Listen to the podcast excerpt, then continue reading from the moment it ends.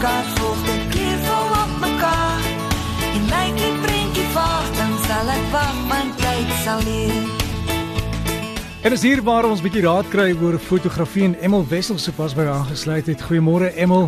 Môre môre Dirk. Ek het gister het ek 'n uh, groot foto van my gehang. Ek het ek het een van Johannesburg geneem, jy weet, mooi reënboog aan een kant en so in die hele Johannesburg. Maar hy's groot, 2.4 meter lank. En weet jy hoe moeilik is dit om dit goed op te hang?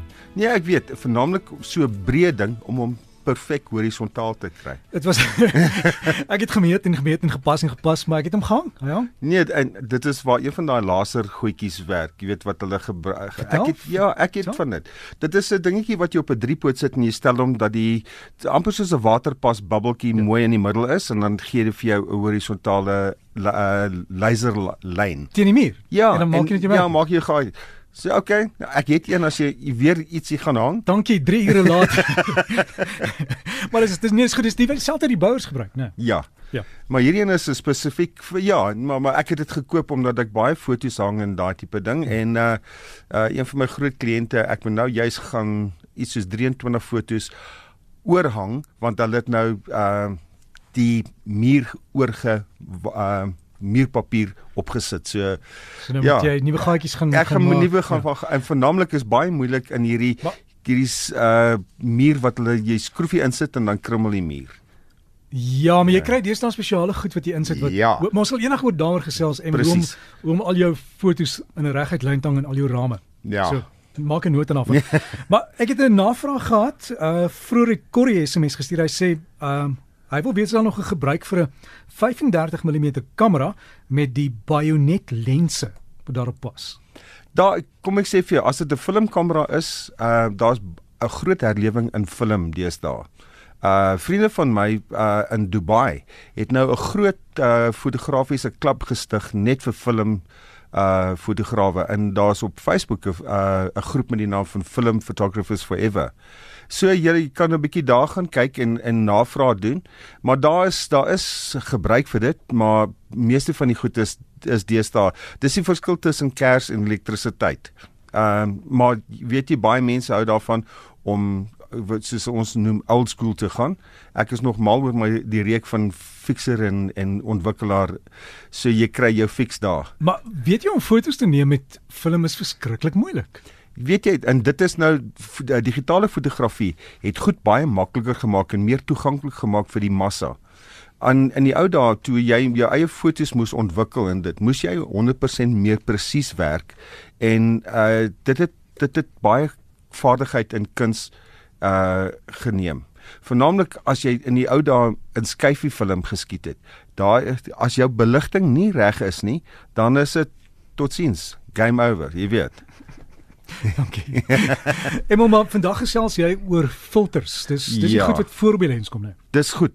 Weet jy, Derek, wat gebeur is, um, in die ou dae met film en dit het jy 'n hele klomp film uh filters gehad, filmfilters gehad. En digitaal kry kan jy baie van die goed in Photoshop doen. Maar daar's 'n paar filters wat jy nie in Photoshop kan doen nie. Die eerste filter wat jy wat noodsaaklik is vir enige fotograaf is 'n ultraviolet filter. Hy's heeltemal deurskynend en hy beskerm die lens. Hy het geen kleur nie. In die ou dae was daar 'n filter met die naam van 1A. Ehm um, en hy het 'n bietjie van 'n pink skynsel so wat in daai dae het hulle dit salmon genoem. Baie baie lig en dit het baie goeie uh, velkleur gegee het. Maar deesdae maak jy al die verstellings en die kleurverstellings op op Photoshop. Maar wat ek sal voorstel is dat elke een van jou lense 'n uh, 'n ultraviolet filter op moet hê vir vingermerke vir stof en daai tipe ding. En as as hy vuil is, kan jy hom afhaal en jy net was met uh, seepwater en hom mooi droog maak met 'n seemsleer ehm um, 'n lappie en dan weer terugsit. Maar maak seker dat as jy hom terugsit dat die dat hy droog is, dat daar nie uh, vog in die in die skroefie aan die kant tussen die metaal en die glas is nie. Die ander ding is 'n uh, is 'n uh,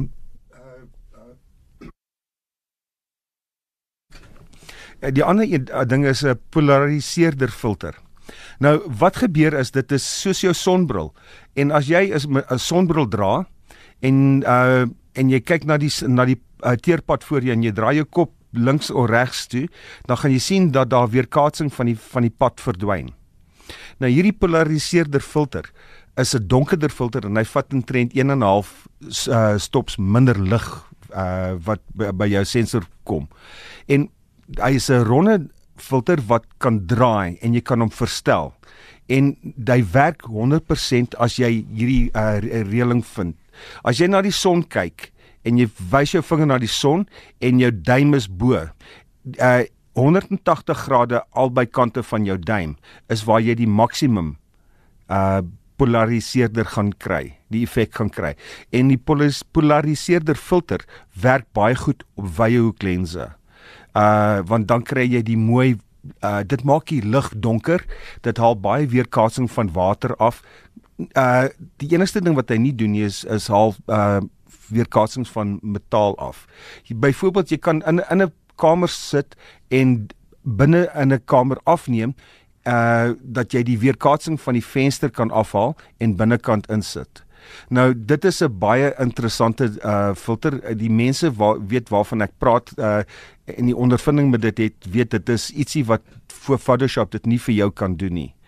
Daar's 'n ander uh, filter wat ek altyd uh, graag wil van praat. Is 'n neutrale gegradueerde densiteit filter. Dit klink nou vir my 'n baie baie uh tegniese naam.